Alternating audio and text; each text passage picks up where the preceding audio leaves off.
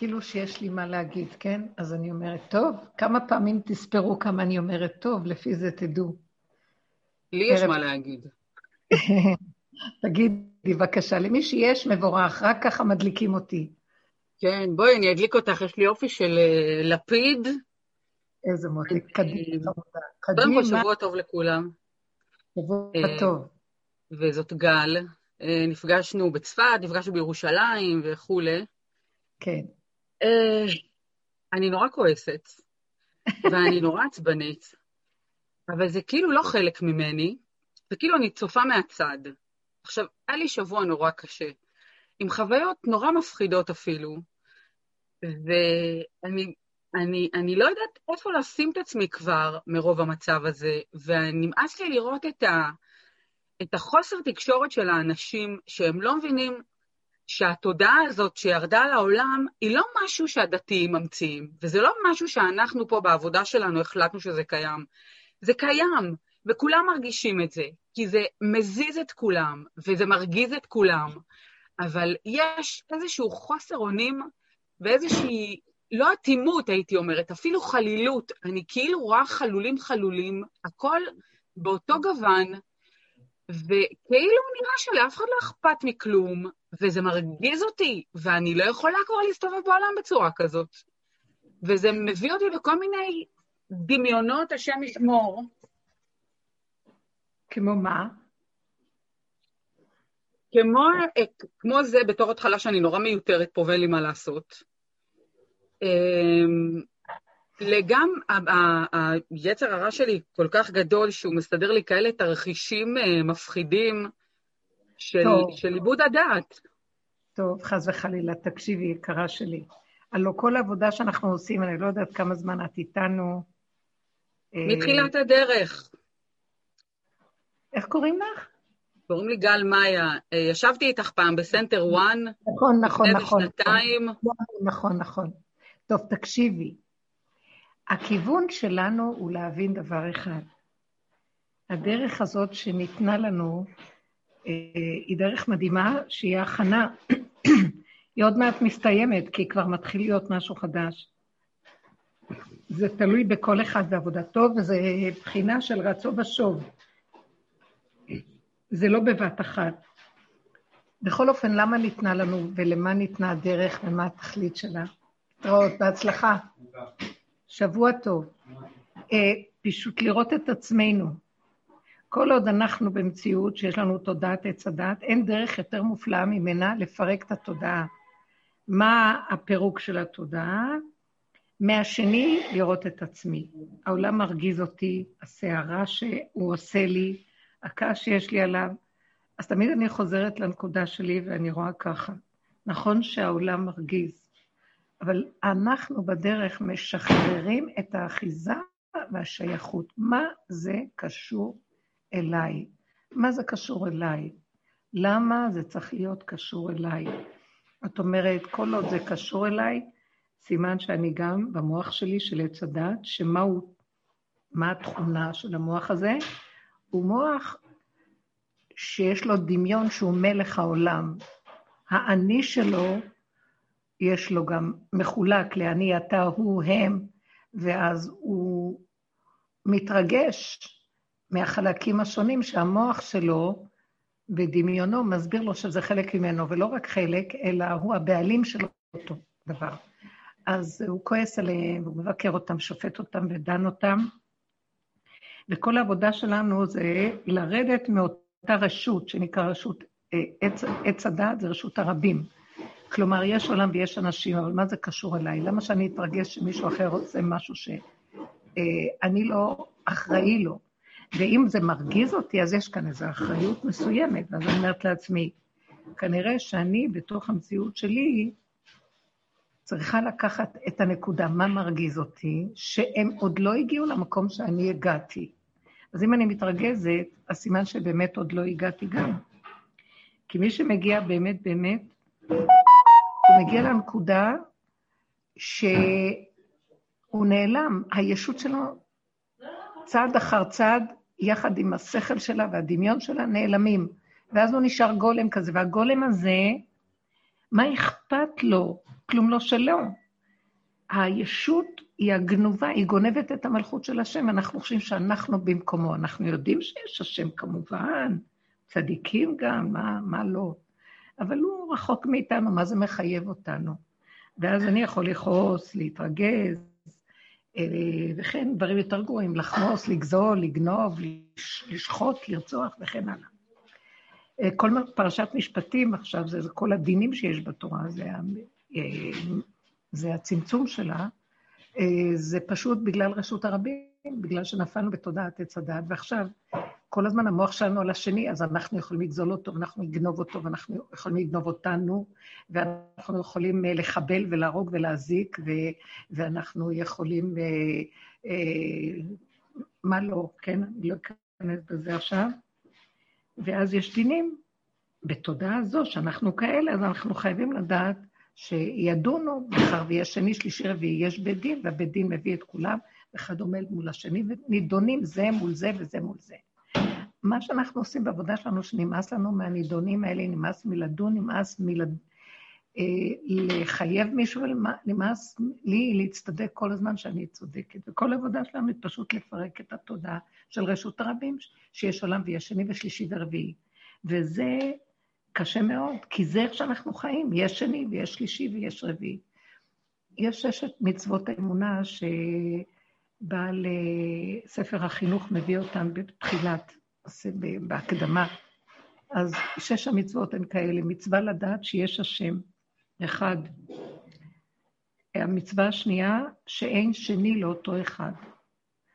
זאת אומרת שאם אני יודע שיש אחד, אז לא יכול להיות שני, כי האחד כולל את כל השני, שלישי ורביעי, אז הכל תמיד חוזר לאחד. וזו המצווה השלישית, מצווה לייחד אותו. כלומר, אם יש אחד ואני יודע שאין שני, אז תמיד הכל חוזר לאחד. זה נקרא לייחד את השם. כל מה שאני רואה פה, פה בעולם, אני מחזיר אותו להשם. בואו ניקח את הדוגמה של מה שאת אמרת, זה רק השלוש, נחשוב על הרביעי, חמישי ושישי עוד רגע. מה המצווה השלישית אומרת? ברגע שמה שהחברה היקרה שלנו אומרת, מה היה אומרת? זה מרגיז אותי. אז זאת אומרת שאני רואה את העולם דרך המוח שלי של עץ הדת. ואז העולם, שהוא חוצי לי, לפי התודעה של עץ הדת, מרגיז אותי. ואז אני בעצם עוברת על המצווה השנייה, שאומרת, אסור לעשות לנו, אסור לעשות בעולם שני מבורא עולם, יש רק בורא עולם, ואין שני לו. ברגע שאני נותנת לעולם ממשות ולא רואה שזה קשור אליו, אז אני בעצם מפרידה אותו. ואז אני עושה, יש בורא לעולם, אבל הוא בשמיים, מה זה קשור פה? פה יש העולם, והעולם עושה כך וכך וכך. אמנם נכון, גם התורה של עץ הדת ככה היא עושה לנו. אז יש בתי דינים, אנחנו צריכים להתייחס, אנחנו יודעים שיש השם בשמיים. סוגדים לו, מדברים עליו, אוהבים אותו, מתגעגעים אליו, מנסים לתאר אותו, מפייטים לו, וכן כל מה שאנחנו עושים. אבל זה התודעה של הגלות, זה חייב להיגמר סוף סוף. כי הוא לא בשמיים בכלל, לא מעבר לים ולא בארץ רחוקה ולא בשמיים. הוא נמצא איתנו חי וקיים, התודעה לא נותנת לנו לראות. אז זה מה שנקרא מצווה שלישית, ליחדו. מה זאת אומרת ליחדו? מצווה ליחדו.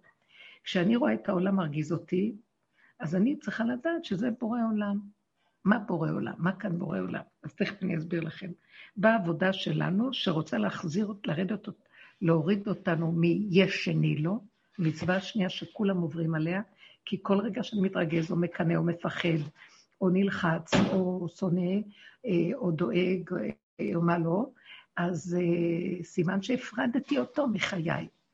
אז זה מציאות של כולנו, אז מה אנחנו צריכים לעשות? באה הדרך שלנו, שזו הדרך הנפלאה הזאת, ומתחילה להגיד לנו ככה.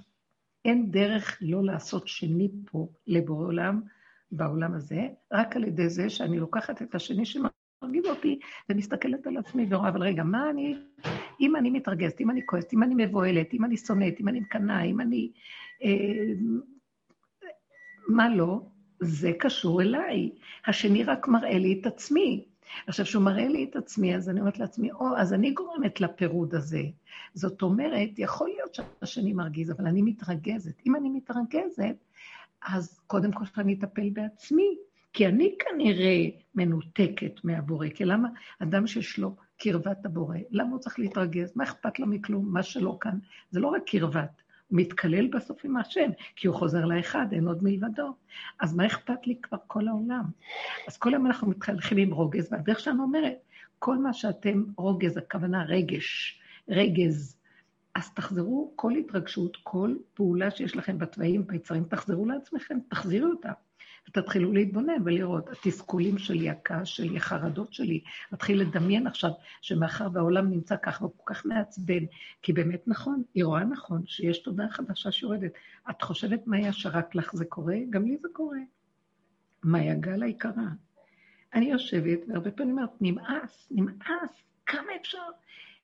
כמה אפשר שניתנו הזדמנויות פה בכדור לעזור לבני אדם להתעורר, להשתחרר ולהיגאל, כמו שכתוב אה, ברבנו יונה, שהוא ממשיל את האנשים שיושבים במחתרת, יושבים בבית האסורים, והשם פותח להם פתח לצאת. נותן להם איזו אפשרות, בואו תצאו, פותח להם איזה מחתרת כזה, בואו, תחברו, אני יוצא, אני מוציא אתכם, כדי שהממונים לא יראו שאתם יוצאים, אני מוציא אתכם לחופשי. יושבים אנשים בתוך בית הסוהר, אומרים, לא, אבל אנחנו לברוח, יתפסו אותנו, חוץ מזה זה לא לפי החוק, אנחנו צריכים לכבד את החוק, חוץ מזה יש לי שנים שאני צריך לתת, אז אני רוצה למצות את העונש שלי. כן, אבל אני נותן לך אפשרות לצאת, עליי, עליי, בורא עולם, עליי, עליי, הכל, הכל חינם, זהו. אתה מקבל חנינה, יוצא מכל העבירות שלך, הכל ברגע אחד. יבוקש עוון ישראל ואיננו, וחטאות יהודה ולא תימצאנה. פה פתחתי לך, לא. בן אדם לא רוצה. אז השם בדיוק מאותה צורה. נותן לנו פתחים, מגיעים לכאן, בכל הדורות היו נביאים, צדיקים, צדיקי עולם. עכשיו בדור הזה, מגיעים כאן מסרים מאוד מאוד גדולים לבני אדם. אנחנו בעינינו רואים שהעולם בבוקה ומבולקה מאוד גדולה, שבעינינו אנחנו רואים דברים מאוד מופלאים. אמנם מה שהשם עושה, אי אפשר בבת אחת לקבל את התהליך של המעבר של העולם מעץ הדעת לימות המשיח, אז זה נראה מעט מעט מעט, ובהתחלה היה כזה שוק, והיה ניכר וברור, אחר כך לאט מתרגלים עד שתבוא הפעימה הבאה, ואז אנשים עוד פעם נכנסים לסדר הטבעי ומסבירים, לא, זה בגלל זה, זה בגלל זה, אז בואו נטפל בזה בדרך הטבע. לא, הם לא קולטים שקורה כאן משהו מאוד גדול. אז לפעמים זה מרגיז אותי גם, אני מבינה אותך, אבל אני אומרת לעצמי, מה את מתרגזת? ככל שאת מתרגזת, אז כנראה שעוד לא הדין, מידת הדין שלך, עוד לא גמרה את עבודתה על מנת להתהפך, והרחמים חייבים להגיע במקום הדין. מידת הרחמים תגבר על מידת הדין, ואז, ונתן לך רחמים וריחמך. אני רואה שכשהדבר הנכון יותר, מה שאני רואה בתהליך שלי, זה שפתאום יש לי רחמים על העולם. אני אומרת ריבונו של עולם, לא יכולים, אתה לא מבין, העולם תקוע. אתה נותן מנות קטנות של אור, זה לא מספיק. אנשים לא מבינים, גם אני לא מבינה, אתה צריך לתת מנות, תביא מנות, מנות הלוי. זה בדיוק. המחשבות שלי, כל מה שאת מתארת, והקושי שלי זה לא, אם, אם אני בתוך כביכול הבועה שלי ובתוך העבודה שלי, ואף אחד מסביב אה, לא מציק לי ומזיז אותי ומפריע לו שאני ככה או אחרת, כי אני, לא מפריעים לי האנשים. זאת אומרת, מעצם המצב שקורה לא מפריע לי. מפריע לי שכאילו מנסים לכפות עליי את השקר הזה. מפריע לי שמחייבים אותי לשתף פעולה עם הלכלוך הזה. עכשיו, לא מזמן, דיברתי עם בדודה שלי, אני שואלת אותה, נו, מה עם החיסונים וזה? אז היא אומרת לי, כן, עשינו. אמרתי לה, למה? למה את משתפת פעולה? הרי אף פעם לא עשית חיסון לשפעת, למה שתעשי חיסון לקורונה? לא, חכי, עוד מעט יכריחו אותנו. עכשיו אבא שלי השבוע אומר לי, כן, עוד מעט יגבילו את הצעדים, יעבירו בחוק, שלא תוכל להסתובב, לא. אמרתי, סליחה, אני לא אחראית לזה, ריבונו של עולם, מה זה קשור? אני צריכה לעשות קניות, אני צריכה לאכול, אתה רוצה שאני אברך פה על דברים? בשביל זה הבאת אותי לעולם? אבל הכפייה הזאת של הלא תלכי, כמו שהשקר מחליט, ואני לא מוכנה לזה. וזה מעל, זה מה שמעלה את סף דעתי, לא שום דבר אחר, כי אני מרחמת על האנשים כשאני רואה אותם כל כך אבודים, וכל כך, לא. נו, בואו נגמור עם זה כדי שנוכל לחזור לשגרה. אין שגרה חדשה, צריך לבנות משהו מעכשיו קדימה, זה תורה חדשה מאיתי תצא. זה ירידה של הכי אור של תורה חדשה. ואף אחד, גם הדוסים מסביבי לא מבינים את זה. וזה מעצבן אותי שאני צריכה לחכות שהם יגיעו לשם כדי שסוף סוף העולם הזה יירגע. אז רגע. הרבנית, הרבנית, אני מה נכון. זה מזדהה איתך, גל, דורית, מה נשמע? אני ממש מזדהה איתך, גל. אני גם גרה בתוך uh, דוסים, שאין לי מושג מה, אני לא, באמת, לא יודעת מה, אין לי מושג. זה קשה, קשה לראות את זה, אני כל כך מזדהה איתך. השבוע, השבת, הלכתי uh, לטיול עם הילדה שלי, וישבה בגן שעשועים מישהי שהיא כזאת כולה בפחד, לא יודעת, כולה עם מסכה, גן שעשועים ריק, בוקר, אוויר צח. הבחורה עם מסכה, עוד שנייה גם על העיניים. אז אמרתי לה, ורד, את לבד, תורידי את המסכה, למה? אז, אז היא אמרה לי משהו, לא יודעת, אני יוצאת מהבית, אני שמה מסכה. אז עשיתי כזה, וואי, השם ירחם עלייך. אז היא אמרה לי, ולמה את לא? אז אמרתי לה, כי אני לא מפחדת, אז אני לא צריכה לשים מסכה. אז היא אמרה לי, השם ירחם עלייך. ואז, תקשיבי, ואז אני, למה אני אומרת את זה? כי אני מרגישה שאנחנו צריכים עכשיו תהליכים של טק, טק, טק, משהו בנפש שהוא מהיר, מדבר לדבר, לא עכשיו להתרחב. ואז מיד הרגשתי, מה את רוצה ממנה? ואז מיד אחרי זה בא, אני הוצאתי לך את הדיבור הזה, שתקי. וזהו, ובלי ביקורת והלאה. זה הייחוד עכשיו. זה כאילו, זה לא היה את שאמרת את זה. וזהו, ועכשיו תסגרי את המוח, ותלכי, ולא אמרת, ולא כלום, ולא היה כץ, וזה כמו שאת אומרת, שהרב אושר אמר, אכל עוגה ואמר, אני אכלתי? לא אכלתי. אז לא אני הייתי, מצטערת, והלכתי, והמוח נסגר הרמטי, וזהו. ונגמר הסיפור. יופי. עכשיו תראי, מה, מה מציעה? אני מאוד שמחה, דוריתי, תודה. מה שדורית מציעה זה לעשות את השלישית, המצווה השלישית, לייחד אותו.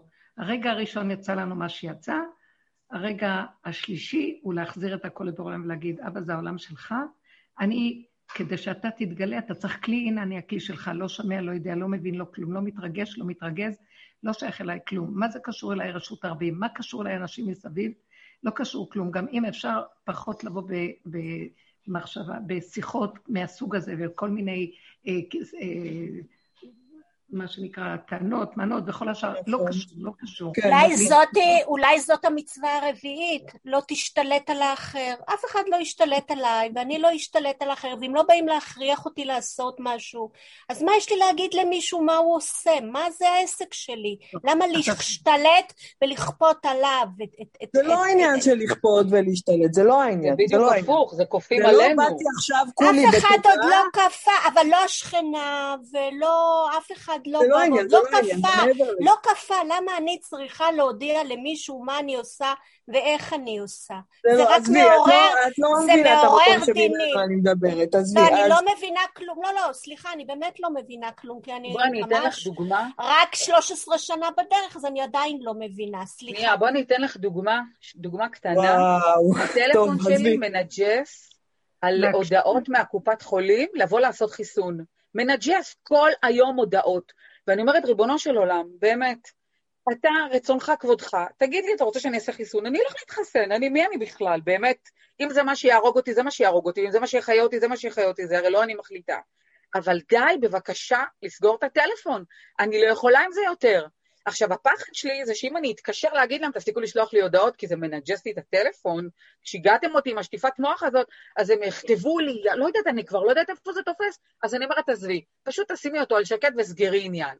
אבל התחושה הזאת זה כאילו כמו כפייה שהחיצוניות, השקר, הלכלוך, רוצה להידבק בכוח. לא, אני אשתלט עלייך. לא, אתה לא תשתלט עליי. אני לא מסכים איתך, תלך מפה. זה הכוונה כשאת לא כן. חס ושלום שאת לא מבינה, לא יודעת איך קוראים לך, אבל את מבינה, אבל זאת החוויה שכופים עלייך מבחוץ. רגע, רות אומרת, כל אחד כאן אומר דברים כל כך יפים ונהדרים, תלמידות יקרות אהובות.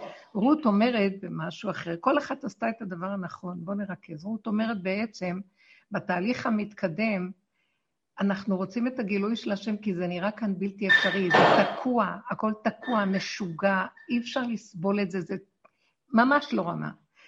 אבל השם, אם אני רוצה שהשם יתגלה כאן, כי זה באמת כתוב בספרים הקדושים, שיגיע איזה שלב, ודעו לכם, שלא יהיה שום אפשרות להמשיך את התיקון כאן, רק התיקון הכללי יצטרך לבוא, שזה הוא בא מהשם יתברך בכבודו ועצמו. אין לנו יכולת לעשות כלום, אבל על מנת שהוא יתגלה, כי עשינו, העבודה הכי גדולה שעשינו זה הדרך הזאת שאנחנו הולכים, תנו לי רגע רק לומר, הדרך שעשינו זה לבנות כלים, חזור לאחוריך, העולם מראה לי מי אני. אני רגוזה, אני לא יכולה לסבול, אני מידת הדין, אני... זה שייך לעולם, אני צריך להיכנס פנימה, הכנעה אחר הכנעה אחר הכנעה, עד שאני מגיעה למקום שאין עולם, אין דמויות, אין כלום, זה לא קשור אליי. מה נשאר בגולם הזה? הוא נהיה כלי, והוא נהיה כל כך קטן וגולמי, שמה שרות הציעה, וזה מאוד יפה, היא אומרת, לא נשאר כלום. נשאר איך אני נשרד הרגע הזה. מתקשרים אליי, אז אני צריך לדעת. השם נותן שם, הוא מתגלה, כי החוכמה מהעין תימצא, והגולם מבחינה של עין. פתאום יש לך מחשבה. אני פשוט, אולי אני אבטל את הטלפון הזה, כי רואים אותי דרך הטלפון. אולי אני פשוט לא אענה להם. לא אענה לו, אני לא צריכה לענות ולהתרגז. אני לא אענה. כל מיני טריקים. הגולם מתחיל להבין שהוא יחידי בעולמו, והוא, חי, והוא סכנה, הוא רואה את העולם כסכנה גדולה, ויש לו צמצום מאוד מאוד גדול ויראה עצומה, כי הוא חושב כל רגע הולכים להרוג אותו, והוא חי ככה, שהולך להתבטל, והוא נושא את עיניו, את פיו, את ליבו להשם, ורק מדבר איתו, אומר, תשמור עליי, תעטוף אותי, אני לא שייך כאן לכלום. לקחתי את רשות הרבים, על ידי העבודה שלנו עשיתי אותה לרשות היחיד. רשות היחיד זה הגולם הזה, שהוא מעביר את מציאותו להשם, אומר לו, אני לא יכול לשרד פה, אני אברח למדבר, אותי. בפיזי אין לנו כאן פתרון, יש לנו פתרון שנכניס את המוח לתוך הבשר ודם שלנו, מבחינת אדמת בשרי, ונפסיק להתרגש בשום צורה, ונהיה מצומצמים, עומדים על קו התפר לאפשר להשם להתגלות. ואנחנו כלים שלו, ורב אושר אומר, עשרה כאלה נמצאים, כבר העולם נמצא במצב אחר, יכול לרדת כאן דברים שהירידה של השם דרכנו, דרך אנשים מהסוג הזה, שהם בגולמיות שלהם, בלי טענות, בלי מענות, בלי בלי, בלי מחשבות. אנחנו לא בדיוק במקום הזה, קמים, נופלים, נופלים, קמים, אבל זה היעד. וכשאנחנו מגיעים למקום הזה, הוא מתגלה, ואז קודם כל אנחנו שמורים. לא מחשבות אה, אובדנות חלילה ולא כלום. הרגש המתמשך ושפורץ החוצה ומבקר את, את העולם, הוא אחר כך, הוא הופך להיות לרעתי, כי הוא ממש מביא מחשבות אובדניות. אני לא אוכל לטפל בעולם. העולם גדול עלינו. השם עושה את זה בכוונה, שהוא מביא אותנו למקום שנדע שאנחנו לא נוכל. תפסיקו עם תודעת עץ הדת של האני שחושבת שהיא יכולה לטפל בעולם, מתלוננת, מטפלת, עושה עצות, לא כלום. תלכו לגולם, תצטמצמו שם, תנו לו להתגלות משם, ענני הכבוד עוטפים אותנו, ואנחנו, הרואה ואינו נראה, זה הבחינה. ודרכנו הוא מתגלה, תוך כדי הכל, זה עצם זה שאנחנו זוכים להיות כלים, אז זה השמירה הכי גדולה, ואז את נכנסת, יוצאת, אף אחד לא יודע. במוח שלך, אם את מתרגזת, יתפסו אותך. אם את מתרגשת, יתפסו אותך. אין לך מה לשים במוח כלום. שחררי, תבקשי מהשם רחמים. יש רוגז, אבל הרוגז הזה חייב להיכנס למקום דק מן הדק של אני מגלה את עצמי על ידי הרוגז, על ידי התגובות, אני מגלה את עצמי. אני לא רוצה שידעו עליי. לאחרונה אני מתהלכת, כאילו, אני פותחת את המחשבה טיפה, ואני חושבת, אני חושבת, יש לי דעה, ישר אני רואה שהם יכולים לתפוס אותי. כי האני הזה שעולה למעלה במוח, הוא האני הזה שאותו תופסים. אז אני מיד אומרת, לא, לא, לא, לא, לא, לא רוצה לחשוב על כלום, לא יודעת, לא מבינה, לא כלום. אני רק יודעת דבר אחד, באופן כללי מאוד, אני לא רוצה להיות שייכת לכל הסמטוחה הזאת, לכל עולם הזה, גם צודקת, גם עולם התורני התבלבל, גם כל הדעות של רבנים, לכאן או לכאן, הכל זה לעומת זה עשה השם, ואנחנו כבר יורדים מהמהלך הזה. הדרך שלנו היא דרך שירדנו למקום השלישי, לנקודה שלא כאן ולא כאן. קו על קו התפר, יושבים על הגדר וחיים את הסכנה בגולם, ומשם אנחנו לפחות יודעים שזה הכלי שדרכו יכול להתגלות אור חדש. שמיים, זה כמו שהיינו צריכים למות, כי כתוב, כי השמ... הארץ, השמיים כעשן נמלחו, בישעיה כתוב, השמיים כעשן נמלחו, והארץ כבד, כבגת תבלה, בפסוק אחד. פסוק אחר אומר, הנה השמיים החדשים אשר אני בורא, ארץ החדשה שאני עושה. תורה, תורה מאיתי תצא חדשה. זאת אומרת שהפסוק הראשון מדבר על, על המת, מתים. השמיים כעשן נמלחו והארץ כבגד תכלה או תבלה. זאת אומרת, יש כמו מוות. מתים, אנחנו מתים. הגולם, עבודת הגולם המיתה לנו את הישות של עץ הדת.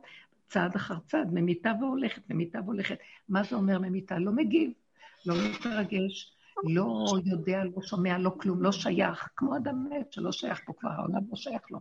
והפסוק השני כבר מתחיל לדבר על תחילת ימות המשיח, שאנחנו מתחילים להיכנס לתודעה חדשה. זאת אומרת, שמיים חדשים שאני עושה, ארץ חדשה שאני בורא. אה, שמיים שאני בורא וארץ חדשה שאני עושה. והמצב הזה בעצם, מה שקורה עכשיו, זה הבין לבין המעברים. אז אחד הדברים שאני רואה שבן אדם עוד יוצא וסוער, שאנחנו צוערים, אני כנראה עוד, עוד בתהליך של תחיית, עוד לא, עוד לא מתתי עד הסוף, כנראה. אני עוד מגיב, אני עוד מתרגז, אני עוד כועס, יש לי מה לומר. מה יעזור לי? מה יועילו החכמים כמו גל בטענתם? מה, מה יועיל לי? לא יועיל כלום. מה שיועיל לי זה להיכנס עד סוף התהליך ולפרק. אבל הרבנית, הרשות הרבים היא נהייתה כל כך קשה שאני אומרת, וואלה, עדיף לא, אני אומרת לך, עדיף לא לצאת מהבית. אני, אני לא יודעת, אני לא מרגישה שהיא סכנה בשבילי, אני סכנה. אני לא מרגישה שרשות הרבים סכנה בשבילי, אני... אנשים לא מבלבלים אותי, אני יודעת בדיוק אה, זה. אני מרגישה שאני סכנה בשביל רשות הרבים. יפה מאוד, מה שאת אמרת זה באמת... מאיזה בחינה של סכנה, אם תוכל להסביר? אני, אני מתעצבנת, אני לא יכולה לסבול את זה, את הדיבורים של הצדיקים האלה, שהכל זה לעומת זה, אני כולי עצבים. אני חוזרת הביתה ונרגעת, ואני אומרת, וואלה, אל תצאי מהבית. אני, אני ממש, יש את אורנה פה שהיא מהדרך, אני אשכרה הולכת אליה עם עיניים עצומות. אני, אני לא רוצה ש... לפגוש אנשים, לא רוצה לדבר, לא רוצה שידברו איתי. אני לא יכולה, אני באמת, העולם הוא לא סכנה בשבילי, אני סכנה. זה אותו דבר.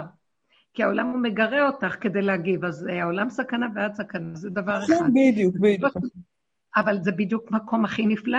זה מה שאני אומרת, הגולם, הגולם נכנס לצמצום מאוד גדול של לא רואה, לא שומע, לא מבין. מה זה קשור אליי כל זה? החזרתי את רשות הרבים להשם. אני מייחד אותו ומחזיר את הכל אליו. מה זה קשור אליי פה? אז אחרי זה יש את המצווה, שלוש המצוות הנוספות, מצווה, כמו שאמרנו, הראשונה זה שאין, שאין עוד מלבדו, השני זה לא, אין שני לו, לא, אין רשות הרבים. שלישי, לייחד אותו, להחזיר את הכל לרשות היחיד. הרביעית זה מצווה לאהוב אותו, כי כשאני רואה שהכל זה הוא, אז מה, אני צריכה להגיד משהו בכלל? הכל זה הוא. אני מפסיק להתעצבן, להתרגז, ואני רואה שזה עולמו, אני מחזיר את הכל אל השם, אז יש לי קרבה והתחושה של שמירה מאוד גדולה. זה מקום של הצמצום המאוד גדול מביא את זה. והמצווה הרביעית, החמישית, להתיירא ממנו, שעכשיו אני רואה שהוא כל כך מתוק וטוב, אני מתיירא לא ממנו, אני מתיירא מהעולם שיכול, כמו שעכשיו דורית אומרת, שהיא מפחדת לצאת לעולם, כי מאוד מאוד מפחדת, כי קודם היא ראתה את השם יתברך בכל דבר, כמו שדיברנו במוצאי שבת שעבר או לפני שבוע, שהכל כל כך נמצא פה, וכל כך קרוב אלינו, והכל זהו, ואיזה שמחה זה עושה, ואיזה חיות. אז אני מפחד שלא ייקחו לי את החיות הזאת על ידי המוח הזה שקופץ ונדלק גירוי תגובה, דבר מול דבר, דבר מול דבר, ואז אני סכנה, עולם סכנה לי ואני סכנה לו. ואז המצווה השישית, שלא תטורו אחרי וכן וכן אחרי שאתם זונים אחריהם. זאת אומרת שהנה השורש, אחרי שאדם נכנס בצמצום של היראה, אז הוא מפחד לצאת. לא תטורו אחריכם, כי יש פחד ברגע שאנחנו רק יוצאים ותרים, את לא שמה אפילו רגע אחד כלום, אה, השני כבר, את מגיבה ויש אה, כאן סכנה. אז שש המצוות האלה הן הדוקות זו בזו, והנקודה של הגולם, הגולם מקיים אותם הכי טוב. אנחנו לא בדיוק גולים, אבל אנחנו במקום של עייפים מלהגיב, והסכנה היא להגיב, אני לא רוצה להגיב. מה אכפת לי אם היא שמה מסכה, לא שמה מסכה? מה אכפת לי אם זהו זה ככה? אנחנו צריכים להתעייף להתעייף, עוד לא הגענו לתשישות ולעייפות. נכון שיש רגעים שאנחנו, האנשים מסביבנו הקרובים יותר, כבר על, הבח... על הרחוק והבחוץ כבר, מה, מה יש להגיד? זה תמונות של כמעט uh, התאבדות ושיגעון, זה סוחף. אבל אלה שמסביב ואין לך ברירה מה תעשי, וגם שם צריכה, בבני ביתך, את צריכה לסגור את המוח ולהישאר קטנה, מרוכזת ולא מתערבבת עם כלום.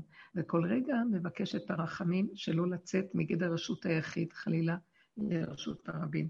זה תחום שבת, מה שנקרא. אז העבודה שלנו היא, בסך הכל, אני רואה את גל, ובאמת, גם דורית, הלוא ברגע אחד אנחנו פשוט נדלקים פה. אז אה, יש דבר מאוד יפה גם, דורית. מי זה הציע את זה? האחרונה שדיברה, שנשאר רק רגע אחד קטן, תחזרי לעצמך ותהיי בנקודה של כאן ועכשיו. אמנם לרגע אחד, יכול להיות שזה דורית אמרה, אמרתי, קרה לי, אחרי רגע תחזרי, כאילו כלום לא קרה. וזה השם דיבר דרכך, כן, זה דורית אמרה, השם דיבר דרכך, את, היא הייתה צריכה לשמוע אותך אומרת את זה, כן, כי זה הדרך של השם לעורר את השני. מה אתה עושה? מה אתה ככה? אבל אל תחשבי שזה את, דרכך הוא פועל, הוא מעביר את זה על השני. השני כן יכניס את זה לתשומת ליבו, והתוצאה לא תאחר לבוא. אבל מה זה קשור אלייך התוצאה? תני להשם להתגלגל דרכך בעולמו. ומה שהיה, היה. לא לחזור ולא לשפוט את עצמך ולא לדון ולא לא את עצמך ולא את השני. וככה אנחנו הופכים להיות כלים של השם. זה קורה לי לאחרונה, שפתאום יכול לצאת לי, בשבת היו כאן אנשים, שבת שעברה, ואני יצאתי בצעקה, יצאתי בצעקה קשה.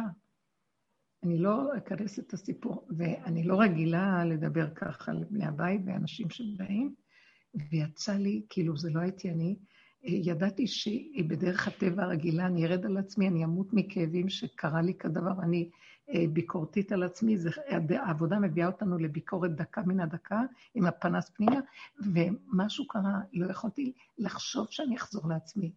אמרתי, השם רצה, ככה יצא מהפה, הוא דיבר, השני היה צריך להקשיב, מה זה קשור אליי, ונגמר הסיפור. כאילו לא היה ולא נברא, ואני יודעת שהשני, כתוצאה מזה, משהו זז אצלו, התקשרו אליי השבוע ודיברו, וראיתי שהדיבור עשה את שלו, מה זה קשור אליי.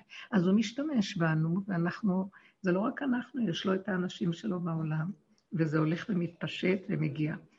אה, זה באמת, העולם, העולם מעייף. העולם מאוד מעייף, אבל אין לי תקנה לו. אז אני צריכה לסגור את הערוצים ולהישאר כמה שיותר מוגן, קטן, מצומצם, פנימי, שלא קשור המהלך הזה החוצה. לא קשור המהלך שלי החוצה. לא קשור. אני לא יכולה, אנחנו חייבים להישרד. כל מה שאנחנו שומעים, אה, משה רבנו ברח למדבר, זה אלה ברחו, כל... אנחנו, אין לנו כל כך לאן לברוח, גם אין טעם לברוח. אנחנו צריכים בתוך המציאות לברוח עד כמה שאפשר. כן. רבנית, רציתי להגיד... כן, רציתי להגיד על העלון השבת, היה ממש יפה. כתבת אה, כן. שהכל אה, הכל אה, כלול, הכל אחד מאיתו, מפי עליון לא תצא הרעה, וגם הקלקול שלנו כבר כלול, הפגם כלול ביחד בסוף העלון, ש, שבעצם ברגע שאנחנו מודים בפגם, אז, אז, אז, אז הקדוש ברוך הוא מדבר מתוכנו. כאילו, הכל כלול ממנו, וזה גרם לי כזה קצת לשקט נפשי, ש, שבאמת אה, גם שם הוא נמצא, אז, אז, אה, אז זה בסדר. כן, כל התהליך שלנו פה, ממש, זה מאוד יפה. כל התהליך של כל העבודה הזאת, זה, תקשיבו, אה, מגופה, מזה שהארץ תבלה והשמיים יתכלו, מה זה שמיים? מה זה ארץ? השמיים זה השכל, והארץ זה המידות. השכל של עץ הדת ייגמר. גם המידות שהן פועלות דרך אותו שכל יתחילו להתנדף. ממה זה קורה? מזה שאנחנו עוברים דרך הפגם, מה שעכשיו גל אמרה, שהיא מסתכלת על העולם, ואני כל כך איתך, ואני מאוד תומכת בכל הכאב שלך, ומבקשת רחמים על כולנו, ש... וואו, שייתנו לנו כוח אה, לעבור את המהלך הזה. וכשאנחנו מסתכלים כמה העולם מרגיז, ואני חוזרת ואני אומרת, כמה אני עצבנית, כמה אני בדין, כמה אני בקוצר רוח, זה באמת נכון, הגולם שלנו הוא מאוד קצר. הוא מסוכן, הוא חי כל הזמן בגבול שלו. זה ככל שאני רואה את הפגם שלי, השם לוקח את אותו פגם, דרכו הוא מתגלה ומהפך. אז הוא נמצא שם, הוא צריך אותו, כי יתרון האור הבא מן החושך. ואבן מעשו הבונים הייתה לראש פינה. עבודת הפגם היא היציאה מהתודעה הזאת. אין דרך לצאת מפה, כי עץ הדעת טוב עץ הדעת רע. רע אנחנו לא רוצים להיות בחוץ. תודעת עץ הדעת היא חיצונית, היא רשות הרבים. לא רוצים לעשות דברים רעים, זה מזיק. אז אנחנו עושים טוב, אבל אנחנו עושים טוב, והכל אינטרסים, והכל גם כן גניבה, רק כלפי חוץ. ואנחנו רואים את הכל עכשיו יוצא בצורה ברורה. כל הטוב שלנו והצדקות שלנו וכל זה, וכל הנאורות של העולם וכל ההשכלה. אנחנו רואים איך ברגע אחד יש עריצות נוראה, שרוצה לשלוט בעולם ולא לתת, ואיפה כל החופש וחירות האדם, ואיפה כל הכבוד שצריך לתת לאדם. זה נעלם, אז איפה כל החיוביות? אנחנו רואים שהחיוביות של עץ הדת היא גם שקר אחד גדול. כל עץ הדת כולו, צריך לפרק לו את הצורה ולנדף אותו מן העולם, מחיית עמלק. על ידי זה שאנחנו חוזרים לעצמנו ורואים את הפגם של עצמנו, שם מתוכנו מתגלה הבורא, כי הוא מחפש את הפגם. זה כמו עבודת יום הכיפורים, כשאנחנו יושבים ומתגלים, גוף העז מגיע אור י"ג מידות הרחמים, ומהפך את העבירות לזכויות. זאת אומרת, חוט השנים מתהפך ונהיה לבן. זה, אתם צריכים להבין, צריכים את הפגם. אז עכשיו, אני לא רוצה לבזבז אותו על השני, ול, ל, ל, ל, כי ברגע שאני מקטרקת על השני, אה, השם אומר לי, הפסדת אותי. את זרקת את נקודת הפגם ואת מטפלת בשני, והתרחקת, נכנסת בחוק עץ הדת וזרקת את העסק. אני רוצה שתחזירי את הכל אלייך, וכשאת רואה את עצמך, גם לנו לא טוב לראות את הפגמים שלנו, זה שובר אותנו, אבל אם אני לא נשבר, ואם אני מסכים להגיד, זה, זה מי שעובד בדרך הזאת, אי אפשר לנו לתקן את זה. זה שבירה שאיננה ניתנת לתיקון. האגו הזה זה דמיון מטופש. שאי אפשר לצאת ממנו, אז אני מתעייף מלעבוד על עצמי, אז אני מתעייף בכלל ואני מוסר לו את המציאות שלי, ואז הוא אומר, אני בא. אבא, קח את הלכלוך הזה. זה לא שתיקח ותעשה אותי טהורה, עצם זה שאני מוסרת לך אותו, כי אני לא יכולה לטפל בו, אז הוא מתגלה בזה ויש מהפך, הוא צריך את זה כדי ליצור את מציאות המהפך. כמו שכתוב, מהמכה עצמה הקדוש ברוך הוא מכין רתיעה. זאת אומרת, הוא צריך את המכה. מהחולי עצמו הוא מביא את הרפואה. זה לא כמו הבן אדם שרואה את החולי, הוא רץ להביא משהו אחר שזה רפואה, אלא מהדבר עצמו הוא מביא איזה מהלך פנימי של לחזור, לקחת את השלילה ולפרק אותה עד שהתבוננת על מקומו ואיננו. זה מהלך הפגם, ששם השם בעצמו נמצא, קשה לנו לתודעת עץ הדת החיובית, הדמיונית, לחשוב ששם השם נמצא. את הפגם הכי גדול שיש באדם. אדם צריך בינו לבינו, זה התהליך הסופי של הדרך. להכיר את עצמו ולראות אין מתום בבשרי, כל מה שאני רואה בעולם זה אני. לא העולם תקוע, אני תקועה, ואני לא יכולה לתקן את זה, ואני מעבירה את זה להשם עכשיו. מהלך הזה מביא אותי למציאות גולם שכבר אין לי טענה על כלום. לא על הבחוץ, כל שכן, וגם לא על עצמי, וגם... רבנית, אפשר לשאול? כן, והמקום הזה שאני כלום, שם נכנס הפנים ומהפך את הכל. ועכשיו אנחנו חייבים אותו. זאת העבודה עד הסוף. מה שאפרת כאן אמרה שזה עבודת הפגם היא מדהימה, עד הסוף ללכת איתה, אז לא להתבלבל מהבחוץ, רק לראות את עצמנו, וגם מעצמנו לא להתבלבל. נבין את עצמנו, נחבק את הנקודה, ונודה באמת, ונזמין אותו שיבוא להתגלות עלינו, כי אנחנו תקועים. כן. כן, אה, שבוע טוב. קודם כל, המון המון המון תודה. שבוע ממש. טוב. וגם אני קראתי את העלון וגמדתי אותו בשבת, וכל שבת אני ממש, ממש לפני שבת מדפיסה, וזה מאוד מאוד עוזר לי גם לעבור את השבת. תודה. אמ, זה מאת השם, כן. אני שומעת אותך, ואני מרגישה איך אני אגיד? אה, זה נורא מוזר, אני לא בייאוש, אבל אני מתנה... אני יורדת לדברים מאוד מאוד גשמיים, כן? אני שנים מתמודדת עם נושא של אה, אכילה, של אכילה. ובזמן האחרון אני באמת רואה שבהמון המון תחומים אני מזהה את הפגם, אני מודה בו, נגלה לי, ממש תלות בזה ובכל מיני דברים, ואני נכונה לראות, להרים ידיים וזהו. ופתאום באמת אני נוגעת במזונות שכבר שנים לא נגעתי בהם. ויש איזה קול פנימי מאוד מאוד חזק שרוצה לקחת חזרה את השליטה לידיים, לשקול, למדוד, לחפש כזאת דרך, כזאת דרך, ומה שאני לא עושה עכשיו, יש משהו מבפנים שלא הולך עם זה. ו... נפלא, נפלא. הנה התשובה.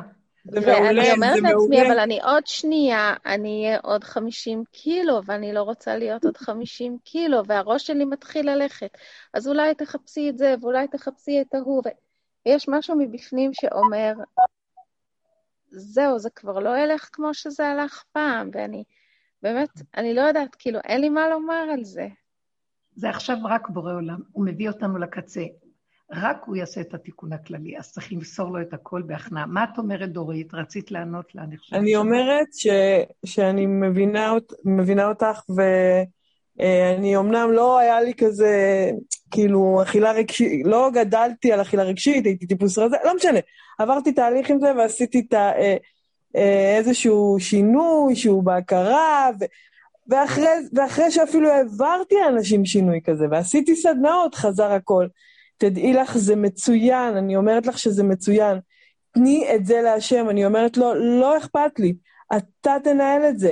ואני אוכלת מה שבא לי ברגע, ואני רואה שהוא עוצר אותי, וזה פשוט מדהים. הוא מנהל את זה מההתחלה ועד הסוף, אבל זה באמת לשחרר עד הסוף. הוא בא לחוגי תבונה, תאכלי, עכשיו זה על תדר אחר, זה, זה כיוון אחר לגמרי, לגמרי, לגמרי, לגמרי.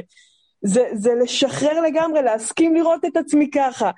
להגיד לו, אתה, זה אלוהים חיים, זה אלוהים שהוא לא איזה רעיון, זה אלוהים, וזה מדהים, אני אומרת לך, לכי על זה הכי חזק שאת יכולה. זה מאוד יפה, זה בדיוק הנקודה שאמרת לכם, שאני בדרך כלל נורא מבקרת את עצמי, אני מתאפקת מאוד מאוד לא להגיב לסובב אותי, כי זה עולם תפיסה אחרת, כמו שכאן גל אמרה, שמרגיז אותה כבר הכיוון הזה, החרדי הצדקותי וכל הזמן הזה, וקשה לי. אבל אני מאוד מאוד נזהרת לא להגיב. ולאחרונה יוצאים לי דברים, ואין לי שליטה על אותו רגע. ורגע אחרי אני רואה, אסור לי לתת את זה לעצמי. אסור לי לחזור ולהגיד, תעשי עבודה, תעשי ככה, תעשי ככה, מה קרה לך, לא קרה לך, יצחק. האני שלנו נופל. אין לי כוח לעשות עבודות. אני מסוגלת לתת עבודות. אני נשארתי כל כך על הגבול. אין כוח, אין כוח. אין כוח לכלום, נשאר פשוט, אבא זה שלך, וזה לא מתרגשת, לא אכפת לי. אה, איפה את שאת בזום, סליחה? יש כאן מישהו שמדבר ברמקול, זה מפריע. מה שנשאר לי זה רק כל הזמן להחזיר את זה אליך, ולא אכפת לי כלום. לתרגל את המקום הזה, עכשיו אנחנו במקום, זה לא שלנו פה כלום. אין אנחנו פה, זה רק אתה תיכנס ותעשה מה שאתה רוצה. לא רוצה להיכנס, תשאיר את זה ככה. רוצה להחריב את העולם, תחריב. אתה רוצה שאני אחרב, כמו שאמרה גל, עם זה, אני אחרב עם זה. אבל ללכת עם זה עד הסוף, לא אכפת לי, לא רוצה שאכפת לי. אני גבולית, אני, כל הכוחות תששו, אני לא יכולה להתנגד לעצמי בכלום. הגולם לא יכול להתנגד לעצמו בכלום. הוא יצרי, והוא לא יכול להתנגד ליצריות שלו. ואין לו גם בורא כמו קודם, כי כשיש את האני של עץ הדת, יש גם את הבורא שרואה אותי ואני צריכה לתת עבודה, דקלומים. אין לו בורא לגולם, יש לו גבוליות והוא לא יכול אחרת. אני יום חמישי לא יכולתי, נכנסתי למטבח, זה היום היחידי שאני יכולה להיכנס כמה שעות, ויכולתי להישאר שעתיים וחצי. לא יכולתי אפילו רגע אחד יותר. לא הייתי מסוגלת. משהו כל כך חזק היה. לא, רציתי להתגבר אמרתי, זאת לא עבודה להתגבר, את לא מתגברת, את עוזבת הכל איך שזה, את יוצאת, יוצאת, ויצאתי כאילו כמו ילדה קטנה שלא לא יודעת לאן היא הולכת, ומה היא עושה, ולמה היא עושה, וכמה היא עושה, וראיתי שזה, ככה הוא רוצה אותי, איך שזה, בלי לחשוב. הרגשתי את זה בתוכי, זה לא דבר שהמוח ידע. ככה, ולא הייתה ביקורת ולא היה כלום, וכל כך נהניתי מהשמש. בדרך כלל הימים שלי מאוד עמוסים. מצאתי לי איזה ספסל וישבתי, הכל היה כל כך פשוט וכל כך נהניתי והודיתי להשם כל כך, וגם דרך זה יצאו כל כך הרבה דברים טובים, שדבר אחר דבר כאילו מישהו מנהל את הכל. ולא רציתי לחזור לבקר את עצמי בשום צורה. זה המקום שאני אומרת עכשיו המוח הזה של האני והשליטה, ואפילו, זה אני אומרת לכם שוב ושוב, המוח של העבודה נופל. כי האני נופל, תודעת עץ הדעת נופלת, הדמיון נופל, אין כוח לעשות יותר עבודות על עצמנו. הוא לא רוצה גם שנעשה, כי גם העבודה הזאת עדיין היא מבית היוצר של עץ הדת מדרגה יותר גבוהה. זו עבודת אליהו הנביא, שיבוא ללמד אותנו צמצום אחר צמצום לשוב לשורשים שלנו, לפרק את כל בחורים ובסדקים את כל החמץ של הישות של עץ הדת. אבל אנחנו מגיעים לקצה, לגבוליות, אני אומרת לכם, הגולם מתהווה, וכבר אפילו יש תחושה של יציאת הפרפר, מרגישים שיורדת תודעה חדשה לעולם. זה לא בדיוק יורדת, זה יורד, עולה, אתם לא יודעים מאיפה זה בא, זה בא מלמטה. אני אגיד לכם, ברגע שהפרפר מתגלה, אז הוא מאפשר את ירידת האור. חייבים את הפרפר, חייבים את הנקי הזה, שהוא גם בפני עצמו שכינה עם תודעה נקייה, כלי זך נקי, שלא מעניין אותו כלום, לא אכפת לו כלום, לא שייך לו העולם. תקשיבו, אני, אני רוצה לשתף אתכם, ואני אני מרגישה שכאן כולכם נוגעות בזה. אני לפעמים אומרת לעצמי, אני לא רואה את העולם יותר, אני לא יודעת איך להסביר, זה לא עולם. חבל בכלל להתעכב עליו. לא שייך לנו פה כלום. כל מה שאני רואה זה גולם בתוכי, שרגע בא איזה מחשבה עוד משהו, אני מיד סוגרת, ולא לא שייך לי פה התודעה, זו תודעה מטומטמת, טיפשת. זו תודעה כסילית. נמאס לדוש בספרים האלה, נמאס לדוש אפילו בדברים הגבוהים שלנו, במקורות. דברים מקסימים שהם קדושים, אבל היא תודעת עץ הדעת, היא תורת עץ הדעת. תורה חדשה מאיתי תצא, זה לא חדשה, רק מתוך התורה עצמה אנחנו מתחילים לגלות את החידוש שבה, את הצמצום הכי גדול. אני רוצה לדעת, פרשת משפטים, היא מתרחבת על כל מה אנחנו יכולים להזיק לעולם, כי אנחנו בתודעת הריבוי, ברשות הרבים, אז תמיד אחד יגיב לשני, ואז יש סכנה, בור ושור, וכל המזיקים שאנחנו, כל אבות הנזיקים. ברגע שאנחנו נכנסים לצמצום, אני לא יכולה לחשוב על להזיק. אפילו אם אני מזיקה, זה לא אני, אני כלי של השם לאיזו פעולה, והאני הזה לא יכול לעשות כלום כבר. זה השם דרכו פועל, וזה לא מזיק, זה לנו, זה שפה חדשה, אין לי גם את השפה להגיד. אז אני רואה שכל הפרשה הזאת תלך ותתכווץ, צמצום אחר צמצום. כתוב שאם לא היינו שוברים את הלוחות, התורה של הלוחות הראשונים, שזו אותה תורה כמובן, אה, היו רק עשרת הדיברות. אולי היה גם ספר יהושע. כל החכמים אומרים להתנחל בארץ ישראל, איזה המפה של ההתנחלות. אה, אבל בסופו של דבר, התורה שבעל פה מתוכנו יוצאת, וכל אחד ידע מה הוא צריך לעשות מתוך בשרו ממש, למה זה צריך לעבור דרך דעת, בצורה של עץ הדעת, אבל זה השבירה. אז הצמצום של שני הלוחות היה מספיק בהחלט בשביל לדעת הכל ולא צריך יותר. כי במאמר אחד, אה, הכל, השם במאמר אחד אמר את כל, הם הבינו את כל התורה באנוכי השם, ולא יהיה לך אלוהים אחרים. הכל באותו, היה כלול באותה דיברה ראשונה של גילוי השם. ברגע אחד נפתחו להם כל אה, החושים והם ידעו הכל מתוכם. אז למה זה רשות היחיד יודעת מה היא צריכה לעשות, והכל יחזור לצמצום הזה, לא צריך כל כך הרבה דברים. אנחנו, אני רואה שהתודעה החדשה היא הולכת למקום הזה. אני לא רוצה לדעת ריבוי. אני חי, אני רוצה לחיות את הרגע, את הנשימה, טיפה יוצא, חוזר מיד, טיפה יוצא, חוזר מיד. אומר כמה מילים, רואה שכאן לא מסתדר, חוזרת פנימה, לא אומרת כלום, עושה פעולות, אני רואה, אני לא יכולה, הגבול שלי, איך אני יודעת שהגבול? אה, עצבנות, אין כוח להכיל מה שגל מספרת, יש לה עצבנות. אז גל, העצבנות הזאת היא כדי לצמצם פנימה ולמחוק את הכל. את לא יכולה להכיל עצבנות, זהרי לך, הגולם לא יכול. ברגע שהוא רואה את העולם הוא יהיה עצבני, הוא יכול להרוג, כמו שדורית אמרה, הוא מסוכן. אבל אני לא יכולה להכיל כלום. כלום, ממש ברמה של... אז תסגרי את העיניים ואת הביקורת על העולם. מי שלא יכול להכיל, אם את רואה אש, ואת לא יכולה להכיל אותה, היא שורפת, תוציאי את היד משם, תסגרי את העיניים. למה את ממשיכה? כי כשאת ממשיכה, אז, אז מתפתח, תיכנסי פנימה. זה לא של ממשיכה, זה כאילו סוגרת מקום אחד ופתאום נפתח משהו אחד. ואז אני אומרת, טוב, אני סוגרת גם פה, נפתח עוד משהו. ואני אומרת, די, טרללתם אותי, מספיק, לא רוצה כלום, נכנסת מתחת לשמיכות. ואז אני, טוב, מה מתחת לשמיכות? את צריכה לבשל לשבת, או את צריכה ללכת להביא תרופות לאבא שלך, או מה שזה לא יהיה. ואני אומרת, אם אני אצא, השם, אם אני אצא החוצה עכשיו, אני אצרח על העולם, אני אשתולל על הכביש, אני לא יכולה כבר לראות, בבקשה, תיקח אותי לשם בלי שאני אראה, בלי שאני אשים לב, שאני אסע בטוח ותחזיר אותי צ'יק צ'ק הביתה. אבל זה כאילו לא זה, הוא כאילו נלחם עליי, הוא אומר לי, לא, אני רוצה אותה. בואי תהיי רשאית. לא רוצה. תצעקי להשם, תוציאי את העצבים. כל היום. זהו, זה צריך להשתחרר.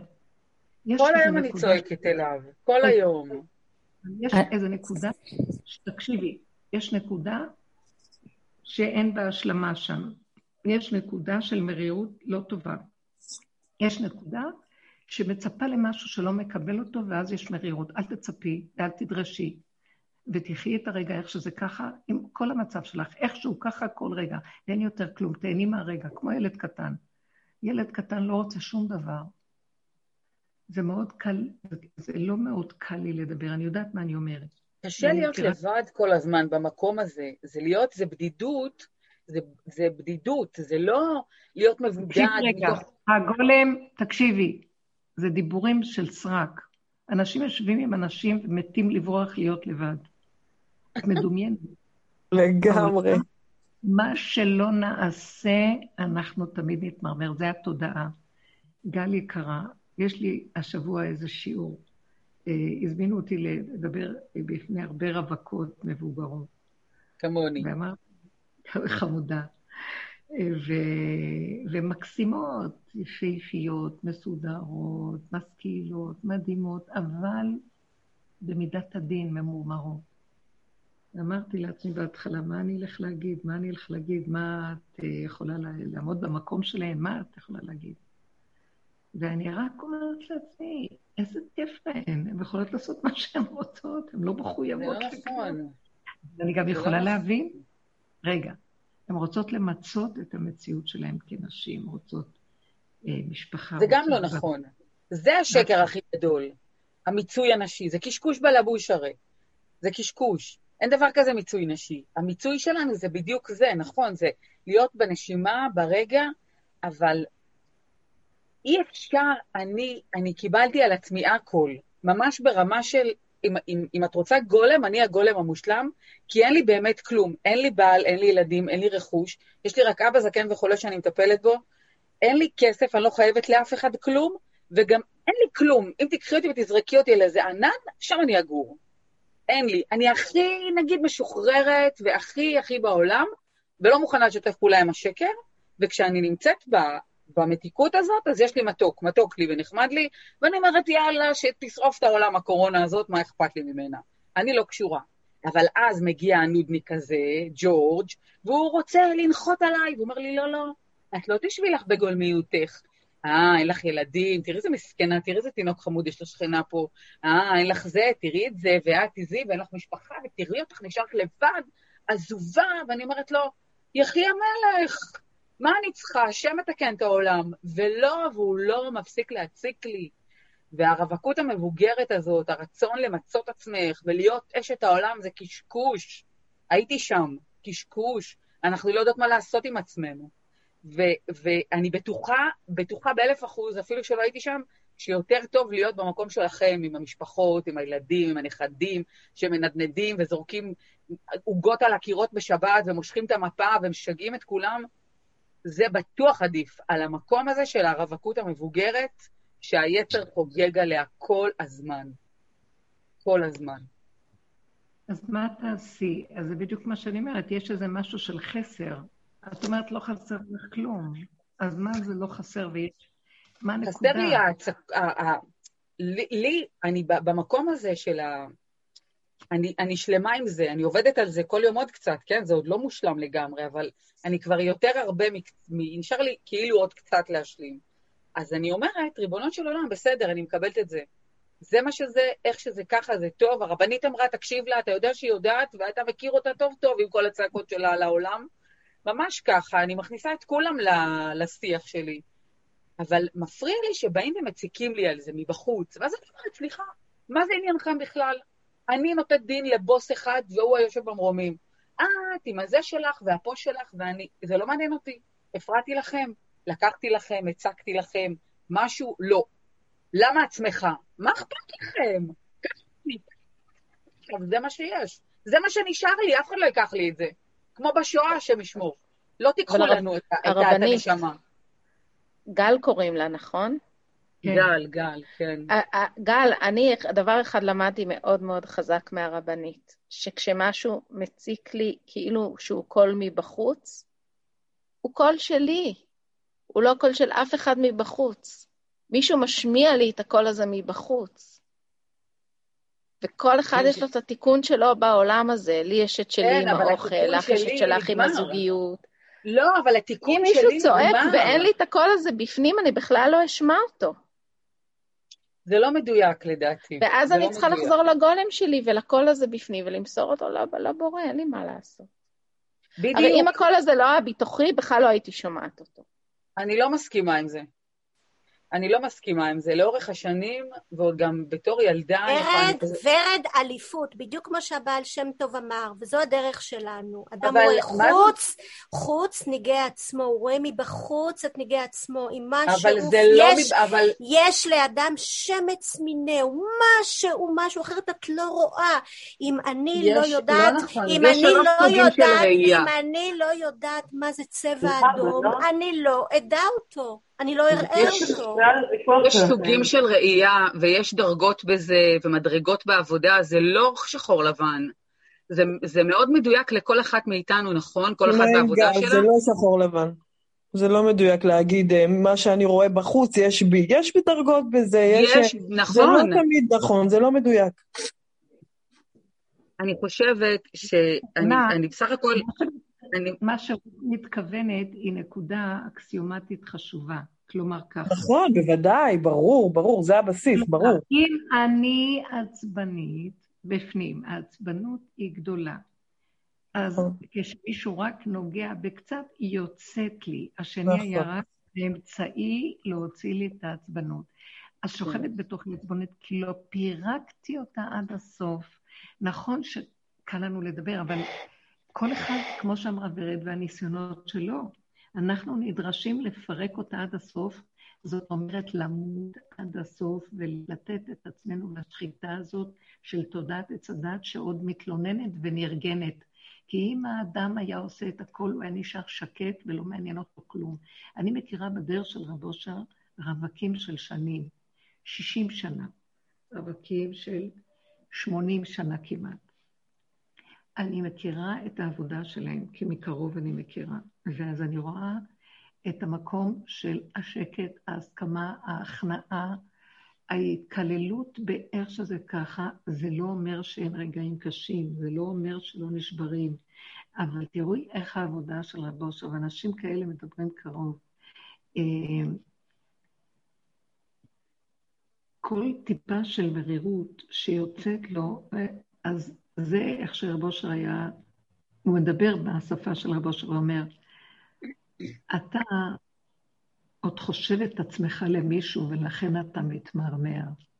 אתה עם הרחמנות העצמית שלך, תגובות מהסוג הזה, הרחמנות העצמית שלך עוד לא התפרקת ממנה. אתה עם השקרים שאתה מספר לעצמך, עוד ממשיך איתם. הוא דן ושופט את עצמו את אותו אחד כדי לא להשאיר שריד ופליט של כל הסערה ומידת הדין הזאת. אני מכירה עבודות מאוד מאוד קרובות, אחד בן 68, שרב עובד השם בדרגות כאלה, מה זה עובד השם? בדרך שלנו, שהוא פשוט... וואו, מדהים. אני פעם סיפרתי לכם, אה, הוא בא לקום וללכת, ואז אנחנו מחכים לו, אז הוא אומר, אני לא יכול ללכת. למה? אני לא יכול, לא נותנים לי לצאת מהכיסא, לא נותנים לי לקשור את הנעל, אני נתקעתי באמצע. עד כדי כך הוא קשור עם השם. עכשיו, אותו אחד סיפר לי שסוף סוף, אחרי כל כך הרבה שנים של רווקות, שמחזיקים אותו ככה, והוא כל כולו מסור, אני לא יכולה להסביר לכם. נו, אז מה הוא צריך להתחתן? נו, באמת. תקשיבו, אז שלחו לו הוא אומר לי, שלחו לי מישהי שמצא חן בעיניי. אני יודע שמשמיים שלחו לי אותה. אבל מה, היא, א', אישה נשואה, ב', מכוערת כמו אני לא יודע מה. זה לא מה שחשבתי בחיים שלי.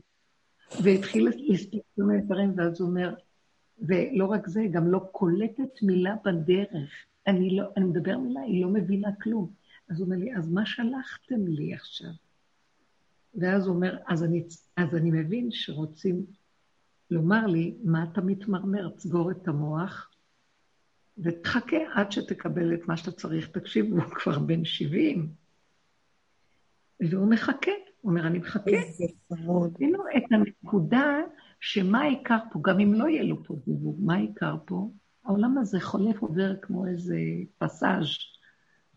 ואם אנו עושים מעבודה מהסוג הזה, אתם לא מבינים מי זה האדם הזה. הוא, אה, השם רוכב עליו כרוב, הוא הכרוב של השם, הוא הכיסא של השם. מדהים. הוא ה... מה זה פה? הכל כאן כמו חולף עובר. אז אני לא באה להגיד כי קל לדבר, נכון, חס וחלילה. אבל חייבים להבין שבאמת כל ה... יש אחד של העצבנות על הסובב. נכון שזה לא על הסובב. את בגבוליות מאוד דקה. הגבול הזאת... זה לא עצבנות על הסובב, זה ניג'וס תמידי, זה לא שכאילו אה, על דבר קטן פתאום אני יוצאת, לא. זה אחרי שכאילו מלא זמן זה יושב ומנג'ס, באיזשהו שלב הסבלנות נגמרת. כי אוקיי, באמת... קבלי. זה מה ש... אז זהו, זה מה שאני אומרת, זה ככה. רגע, אז קבלי ורד אכלה. אכלי, תאכלי. לא, לא להתלונן, לא להיבהל, לא לדון את עצמנו, לא לדון את השני. לגמור את אותו רגע כאן ועכשיו ולהיכנס לגולם, פשוט להעביר דף. כמו שדורית. הרבנית, כן. הרבנית, אני לא יודעת, אני אגיד לך את האמת, אני, למשל עכשיו קיבלנו הזמנה, אחיינית של בעלי מתחתנת. אני אגיד לך את האמת, מוזר לי שאנשים מתחתנים. אני אומרת לך, מוזר לי, אני לא יודעת איך להסביר את זה. אני לא צוחקת, אני לא יודעת להסביר לעצמי את זה. אני מרגישה, נגמר עולם התיקון. מה אנשים מתחתנים? אני לא יודעת. או שצריך לחפש קונספט אחר, אבל זה מוזר לי, אני אומרת לך, אמיתי, הייתי בשתי חתונות, אחת של אחיין שלי, אחד, שתיים של, של אחיינים שלי, כן, והיה לי מוזר, מה הקשר? מה אתם מתחתנים? בשביל מה? כאילו, אני לא יודעת להסביר את זה, זה הרגשה חזקה, חזקה, חזקה, לא מהמוח, לא שיש לי הסברים כאילו, למה אני לא צריך להתחתן. אני לא מבינה את זה, לא מבינה למה צריך להתחתן עכשיו, מספיק. זהו, לא צריך להתחתן, לא יודעת, אני, אני רואה גם אני בנישואים, אני אשכרה לא נשואה, בעלי אומר לי, את לעצמך בכלל? אני אומרת לו, נכון, נגמר, נגמר, אני ואתה באותו בית, יאללה, כל אחד לעצמו, בכיף שלו, זהו, נגמר העול, כל אחד בכיף שלו, זהו, לא, לא, אתה לא קשור אליי, אני לא קשורה אליך, כל אחד קשור לעצמו. אני לא מבינה, אני באמת לא מבינה למה להתחתן. גל, לא להתחתן. כן. אני, הדבר היחיד שמעניין אותי זה אם הגעתי לתיקון שלי בעולם הזה. הגעת, יאללה, מספיק, הגעת. המוח לא יפסיק לשאול את זה, תפסיקי, הגעת. זה אם תחליטי שנגמר, נגמר. אז זה מה שעשיתי שבת אחת. ישבתי ואמרתי לעצמי, אני גמרתי עם התיקונים, אני לא מכונת תפירה, אני עכשיו בשלב של הבונוס. אני אוכלת ממתקים, אני נהנית מהגאולה של השבת, אני מרוויחה מצוות, כי אני בבונוס עכשיו של אלף. ואז ישבתי וצחקתי איזה רבע שעה, ואמרתי לעצמי, נו, או שירדת מהפסים סופית, ואז אמרתי, וגם אם ירדת מהפסים, אז מה?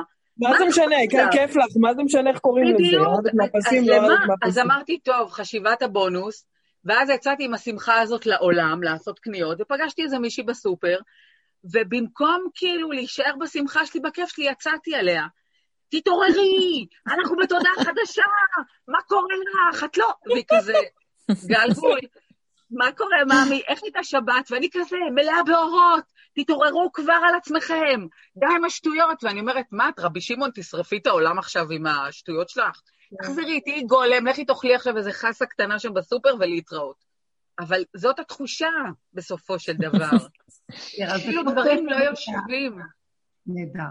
זה טוב שיש לנו את המדיה הנפלאה הזאת ואת החברות המדהימות. תראו, אנחנו פותחים כאן דברים ומפרקים וכואב לנו זה, ואיזה יופי שאחת מבינה את השנייה, ושעל בשרנו עברנו כל כך, והתכלית היא פשוט לצחוק, תצחקו. וגל, אני התחתנתי בגיל 34 וחצי, מותק, לא בגיל 12. ממי, אני בת 47 כבר, תודה. בסדר, עזבי אותך, יאללה, מספיק. לא צריך. אני מרגיש את זה לא צריך למען האמת. אם יבוא, יבוא. לא, אני לא, זה כמו שאמרת אלייך נראה לי קצת אה, מפספסים את עיקר השיעור פה, זה לא שיעור פרטי נראה לי, כאילו... חבל, צריך לתת לרבנית לדבר, חבל על הזמן.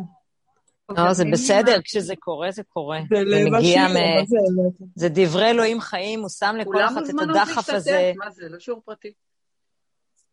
לא, אין דבר, זה, זה הכל דבר אחד, זה הכל חוזר לאותה נקודה, ואנחנו מאוד נהנים מהשיח הזה ולומדים ממנו. באמת, בסופו של דבר, התכלית היא להגיע, אה, אני מדברת ברצינות, והם מדברים מהבשר, אני מהשכל, אז זה כן מאוד אה, משמח אותי, אני מאוד מעריכה את הבנות המדהימות. הנקודה היא פשוט לא לרחם, לא לתת למוח של עץ הדת אה, להוציא ולהשפריץ את העצבנות, היא יוצאת. זה יכול לקרות, ניפול, אבל אחרי רגע לחזור. ועכשיו המהלך הוא שהגולם בכלל לא עושה שום חשבון, לא כלום, צוחק, נהנה. אפילו אם אני לא יודעת מה יקרה לרגע אחד, הוא אסור לו בשום אופן לדון את עצמו. כי, זה האני שלו, עוד פעם, הוא מזין אותו, מפרנס אותו, והוא מחיה אותו, מקים אותו לתחייה במקום אה, שיעשה וידוא הריגה, אז אנחנו מקימים עוד פעם את המוח הזה. אנחנו צריכים, פשוט צריכים, נושמים, נופלים, קמים, כל רגע מתחדשים מחדש, ואם אפשר ליהנות, ליהנות, ליהנות, ליהנות ולהודות, לשמוח. ולהיות פשוטים, ולא להכריח את עצמנו לכלום. אז קרה לנו, יצא לנו, יצא נקודה, יצא נקודה. אני, תדברו איתו, דברו עם עצמך, דברי עם עצמך. הגולם זה הוא, זה הבורא, ממנו מתגלה אור של בורא. זה לא כבר בשמיים, זה לא אני מדברת איתו, אני פה והוא שם. אני ממש מרגישה שזה הוא בקוצר רוח שלו, זה הוא בגבוליות, זה הוא שכבר רוצה להוציא את הראש של עצמו ולהתגלות פה. איזה תהליכים שדרכנו עוברים, נפלנו, קמנו, והכול בסדר. אנחנו בהחלט בזמנים של אמות נכנסים ומתגלשים לתוך, ירדנו מהפסים, כן, נכון, את צודקת גל, ירידה מהפסים, אבל uh, עץ הדת מסתכל על זה כאילו אנחנו קוקוריקו, והפוך על הפוך זה, שהוא בעצם הקוקוריקו, הוא התרנגול הגדול.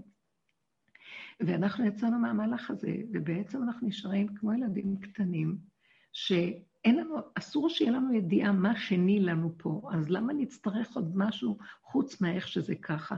וכשזה, איך שזה ככה, אתם לא מבינים איזה שמחה בוקעת מבפנים, אתם כן מבינים, ויש לנו את החוויות האלה, אבל זה ילך ויתגבר.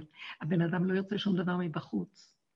אה, אלה שכבר נגזר עליהם איכשהו לחיות בזוגיות, אז הם, כמו שאמרה דורית, אז אה, זה שני אנשים שמה זה קשור, כל אחד בנקודה שלו, ויש רגעים של חיבור כזה או אחר. אבל זה כבר לא התפיסה של עץ הדעת, זוגיות וכל השקר הזה, והתחושות המעורבות והציפיות והדרישות וכל דמיונות האהבה, כי ראינו כמה אינטרסים שוכבים שם וכמה האדם אף פעם לא אוהב אף אחד.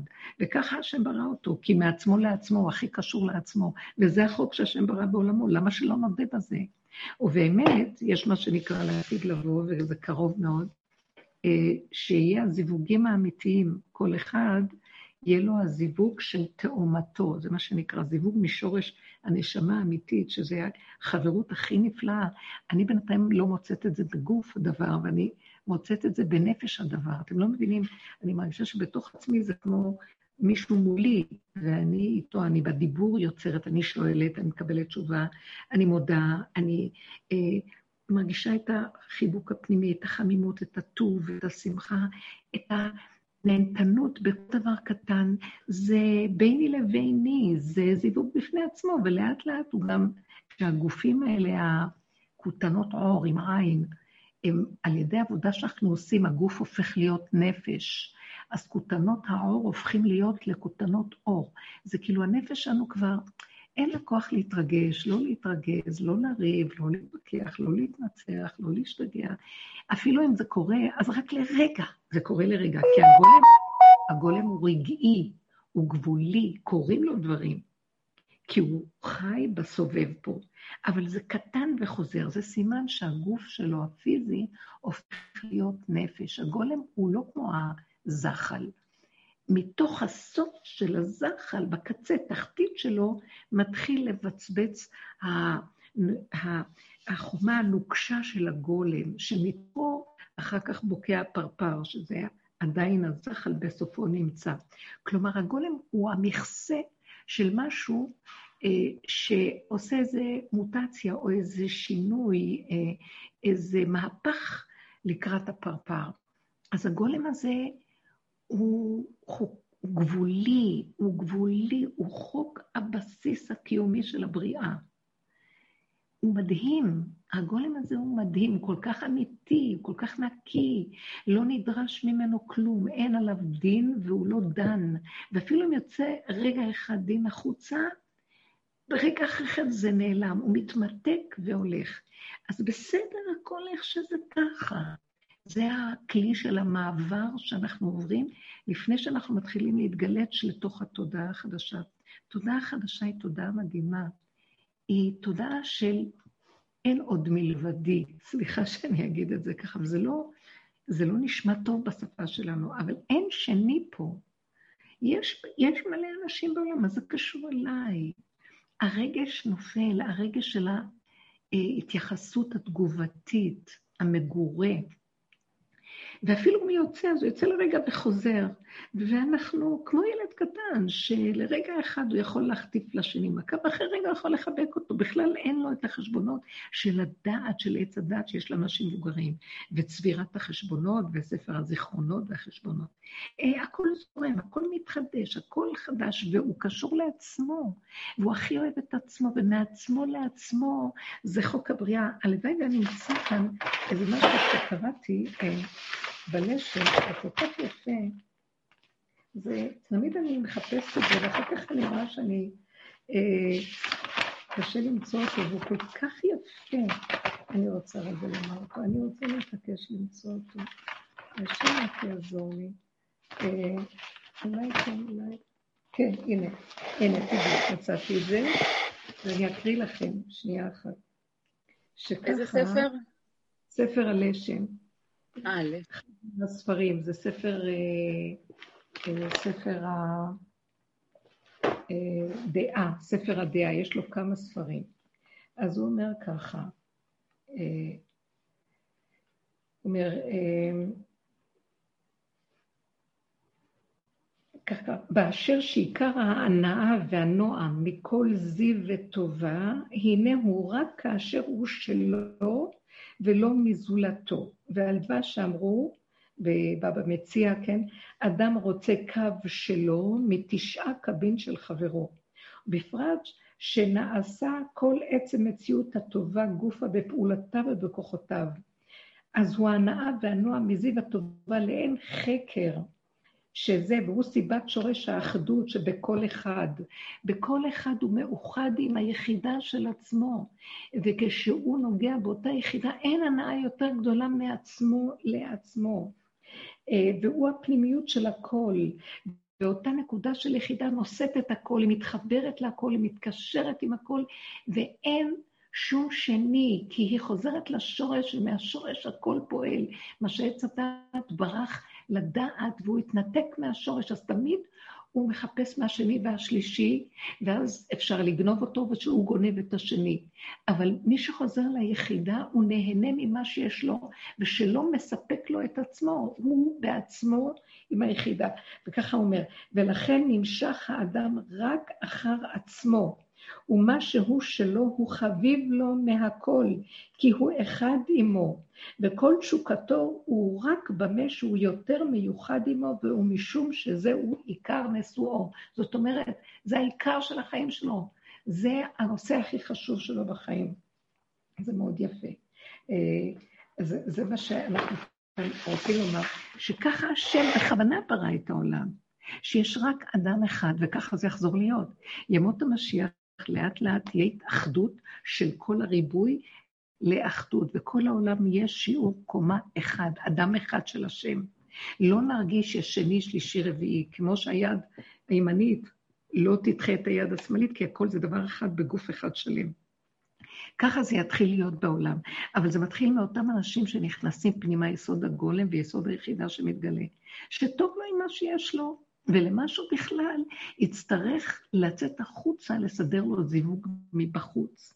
האומנם שככה העולם, ככה העולם בנוי, וזה התיקון של העולם שאדם חייב לקחת לו זיווג, עולם התיקון, כמו שדורית אמרה. והיא אומרת, נגמר, באמת נכון, נגמר עולם התיקון, עבודת הבירורים נגמרה, העבודה שלנו נגמרה, שאנחנו הסוף של הכל. אז הכל כבר ממש נגמר. עוד, אני זוכרת שהרבי מלובביץ' אמר מזמן, לפני כל כך הרבה שנים, שעבודת הבירורים נגמרה. כל צדיק בזמנו אומר שעבודת הבירורים נגמרה, בגלל שבאמת אה, הם האנשים הסופיים, בגלל זה הוא דיבר הרבה על משיח, שזה הסוף של כל הבירורים של הטוב והרע. אנחנו לקחנו את הטוב, שבררו אותו מהרע, ופירקנו לו את הצורה, ויותר מזה, מה יש כאן לפרק? פירקנו את עץ הדת. נשארנו בקצה של הקצה, ומתחברים לגולם וליחידה, והגולם והיחידה אז האדם מחובר לעצמו, תהני גל מהחיים שלך, תודי להשם. הוא יכול להביא לך מישהו, הוא יכול להביא איזה מישהו, אבל גם כשיבוא איזה מישהו ואת מחוברת ליחידה, את תדעי איך להתנהג נכון באותו זיווג, מה שהעולם לא מתנהג נכון. ואין אדם מת בחצי תאוותו בידו, וכולם מתחתנים ורוצים גם להתגרש, בגלל שהם באים מסוד עץ הדעת, מיסוד עץ הדעת. שזה השקר בהתגלמותו, וכל אחד דורש ומצפה, ויש לו טענות ומענות, והוא מתמרמר, ולא רואה את עצמו בכלל. ואנחנו עשינו עבודה הפוכה, הפוכה, הפוכה, הגענו ליסוד הזה, מה שרות אמרה. זה היסוד הפנימי של עצמנו, ויותר אין כלום. הנגעים הם שלי, ובסוף, כמו שאמרה גם אפרת, אני אתחבר לנגע שלי, והפגע שלי, וה... הפגם הזה הוא האהבה הכי גדולה שיש לי אליו, דעו לכם. השם ברא לי את הפגם בכבודו. למה שאני, ברגע שזה יוצא החוצה, זה מכה אותי, זה לא טוב. זה הולך לרשות הרבים, אני מזיק לשני. אבל כשאני נשאר עם אותו טבע, פגם הופך להיות טבע שלי, פרטי, ואיתו אני עם בורא עולם בתוכי מתחברת, אין אהבה יותר גדולה מזאת. כל הפגם הופך להיות לרשפי אש שלהבת יד. שמה כל הדין מתמתק. את כל כך קרובה לזה, גל, תיכנסי פנימה עוד קצת, וכל הדין החיצוני יהפוך להיות משהו מתוק של חיבור, כאילו ממש סיווג מבפנים. וזה הקשר שלנו עם בורא עולם, והוא מתגלה בתוכנו. יבוא, יכול להיות בהמשך הזמן, גם זיווג מבחוץ אמיתי, אמיתי, אמיתי של כל אחד. אבל קראתי שזה יהיה רק אחרי תחיית המתים.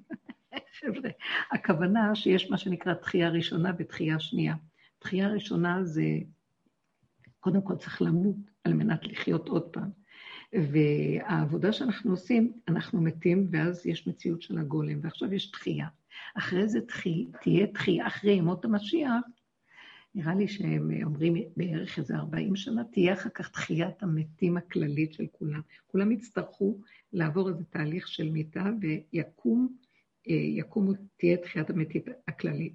ואז זה יהיה כבר הסוף של מציאות עולם התיקון, אה, לא עולם התיקון, ימות המשיח, כי עולם התיקון מתחיל להסתיים בימות המשיח. ואז כל אחד יחזור בתחייה החדשה עם הזיווג שלו איתו. אני לא מבינה איך זה יהיה, אולי זה יהיה באמת, יחזרו בגופים, אבל זה לא יהיה הגופים הגסים שלנו עכשיו. כבר עכשיו אני מרגישה שהגופים משתנים. הגופים לא יכולים ורד, תדעי לך שזה עובד עכשיו. אל תצטערי על כלום. הולך לפני שיתחיל לקבל את הגופים החדשים, כאילו הפגם מתעבה, הגוף מתעבה, אבל לאט לאט הכל נושר. ואדם לא רוצה אפילו לאכול, מינימום, הוא לא רוצה, הוא לא רוצה לעשות הרבה דברים שפעם היה עושה, כי הוא נמצא במקום אחר. כי מה גורם לנו לאכול הרבה ולעבור את הגבול שלנו? זה הדמיונות שלנו, מתרחבים עלינו, התסכולים, הכאבים, הצרות, ואז אנחנו נאחזים באוכל, נאחזים בכל מיני דברים שאנחנו בורחים אליהם. אבל כאשר כל העץ הזה מתנדף, האוויר שלו הוא הלא אוויר, הוא מתנדף, הוא, הוא, הוא, הוא, הוא כלום, הוא ענן. אה, ואז כשזה מתנדב, מבחינת מחיית עמלק, נשאר הטבע הפשוט של האדם באשר הוא, בלי הדעת של עץ הדעת. והכל בסדר איך שזה. ראיתם ילד שמתלונן על עצמו. אם הוא ממורמר, זה בגלל שההורים שלו, הוא למד מהם איך להתמרמר, אבל באמת, באמת, ילדים קטנים לא, יש להם רגע של צער על משהו שלא קיבלו, כי הם בגולם שלהם מאוד גבוליים. אז אחרי רגע הכל מסתדר. לא תדעי לך שאני ממש מאמינה לך. זה עובד. כי אני, אני באמת מאמינה, כי אני אומרת, וואי, כל כך הרבה דברים מתקלפים, אין לי, חוץ כאילו מהעניין הזה שנשאר עכשיו, כרגע אין לי עניין עם כלום. כל פעם שבא משהו, אני ממש נכנסת פנימה לגולם, נגמר. יש מישהו שממש החזיק אותי בתקופה של הטראומה שלי, שהוא היה ממש, באמת, אני אסירת תודה לו. אבל כנראה עכשיו אין צורך, אז הוא נעלם. ואני אומרת, אוקיי, בסדר, אז הוא נעלם, כנראה אין לו תפקיד עכשיו בחיים שלי. פעם הייתי מתמוטטת מזה. זהו, יש שקט. מי שמגיע, מגיע, מי שהולך, הולך, אז אני מאמינה, אני באמת מאמינה שגם פה יקרה משהו. לא כאן, יש לך עוד במוח, אה, שם עוד נשאר לך, זה נקודת הפגם, שאת עוד דנה את עצמך על האוכל, כי יש לך איזה מין טייפ כזה של גירוי תגובה, עולה הרצון לאכול ואת נבלת. תשאירי, שחררי, בא בא, הלך הלך, איך שזה ככה בסדר, תראי שגם שם האחיזה תתנדף, והיסוד הזה הוא מדהים. דרך אגב, זה הייעוד השלישי שאנחנו דרכו מכלים את עולם התיקונים, זה נקרא היהודים של ימות המשיח, שאמרתי על, זה פעם, שזה הלוויתן, אה, זה יסדי ובהמות בהרי א', בלשון חז"ל, זה מדרש. והבהמות זה התיקון האחרון, שזה יסוד הנפש, וזה האכילה. ישנה בהמה שרוכבת על אה, אלף ערים, ואלף ערים מספקים לה מזון, והיא אוכלת ואוכלת ואוכלת ואוכלת.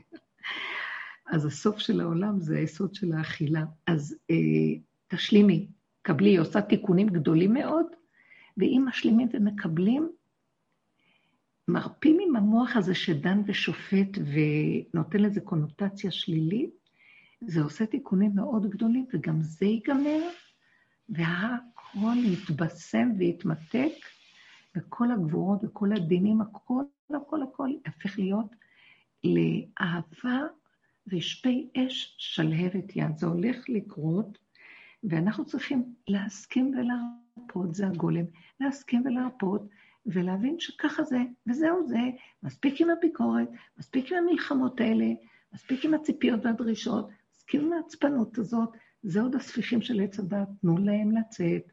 אנחנו עולים על הפסים של התודעה החדשה, ירדנו מהפסים הקודמים. וזה תהליך, זה תהליך שאנחנו נכנסים אליו, ולאט לאט, מעט מעט, כמו שהיינו עם עץ הדת, מעט מעט הגרשנו מפניך, גם מעט מעט אנחנו נכנסים למהלך החדש, שנשארים בה נקיים כמו ילדים קטנים, יחידים וקשורים לעצמנו, מקבלים את עצמנו איך שאנחנו, לא מרימים את הראש לראות רחוק מעבר לגבול ולמידה, שזה המוח המשקיף של עץ הדת, שהוא הגנב הכי גדול, המוח המשקיף. זה המן שיושב על עץ חמישים אמה ומשקיף, ותמיד מתמרמר, כל זה אינו שווה לו. כי כתוב, רק השם יכול להשקיף. באמת, כל השקפה בתורה היא לרעה, חוץ מהשקיף השם, שאנחנו מביאים את הביקורים לבית המקדש ואומרים את הנוסח הזה, השקיף השם ממעון קודשך, כי אנחנו, אם נשקיף, נביא חורבן לעולם. אז זה לא טוב ההשקפה שם. אז תישאר קטן, עקב בצד גודל, ככה, כאן ועכשיו, הרגע, איך שאנחנו לקבל, רגע של עצבנות, גם זה נכלל, רגע של כעס, גם זה נכלל, אבל זה רגע, זה היופי בילד. הוא רגע, כל רגע הוא מתחדש והוא הולך למקום חדש. ואנחנו נכנסים לתודה אחרת. תודה לך, השם, כי זה, השם הזה הוא גם בתוכי הילד, גם אין לו הבנה מה זה השם. אתם לא מבינים שגם השם הזה של הדמיון של עץ הדעת נופל, ונשאר הכאן ועכשיו בגבוליות שלו, ואני כתבתי, השם שם לי במחשבה שברגע שאנחנו מגיעים לגבול הזה, איך שזה ככה, גם השם מגלה את השכינה שלו, שזה נקרא שד... שם שקי, ש"ד י', זה שאמר לעולמו די, שבזה הגבוליות של העולם היא מבורכת, הכל במקום יושב, הכל נמצא בדיוק. למה להתלונן על כלום? לא רוצים להזוז, להזיז. מי שבאמת חי את הגבול, הוא לא רוצה להזיז כלום. למה שתהיה לי דעה על זה ועל זה ועל זה? עוד יש לנו עכשיו דעות על העולם והם מרגיזים אותנו. לאט לאט, מה לי, מה יש לי בכלל לחשוב על מישהו? מה יש לי כלום? דרך אגב, זה מה שגורם לכל העולם ליפול. כשאני מושך את המוח שלי מהעולם ומפסיק להתלונן, מפסיק לבקר, לדרוש, לצפות, לגמרי, אני מכניס את זה לדרגה של למה אני צריך למעלה, לגמרי. כי דבר אחד, מה שהאינטרס שלי, שלא יהיה לי צער. אני רוצה ליהנות, אני רוצה לשמוח, אני רוצה להודות. והמוח הרחוק הזה שמתלונן, מצער אותי, לא הם ולא שכרם, לא רוצה להצטער, אני רוצה ליהנות, רוצה להתחבר אליך, רוצה להתענג על השם. נכנס עכשיו אדר, משנכנס אדר מרבין בשמחה, אנחנו נכנסים, וזה דבר נפלא, אנחנו נכנסים למהלך של הסיום. פורים זה הסוף של הכל. כל הדרך שלנו, של בית מדרשו של אליהו הנביא, רב אושר, הדרך, זה התשובה וההכנה שלושה ימים לפני שנכנסים ליסוד של ימות המשיח. עכשיו אנחנו נכנסים לימות המשיח, ומתחילים להיכנס לפורים, למגילת אסתר.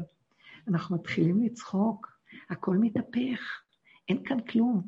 גם, שימו לב, במגילה לא מופיע שום סממנים דתיים. שם השם לא מופיע פעם אחת. זה מדרגה אחרת שעץ הדת מתהפך, וכל הדתיות של עץ הדת וכל הצורה של איך שאנחנו מחזיקים הופך להיות משהו אחר. מה? אמונה פשוטה בתוך העצמות של הבן אדם. חיות קיומית אנרגטית של שכינה, חי וקיים. אין עוד מלבדו בחוש ממש מתוך הבשר, והוא ואני, זה, זה כאילו דבר אחד, זה אפילו לא מושגים של אני, אתה. זה גם נופל, זו שפה קשה.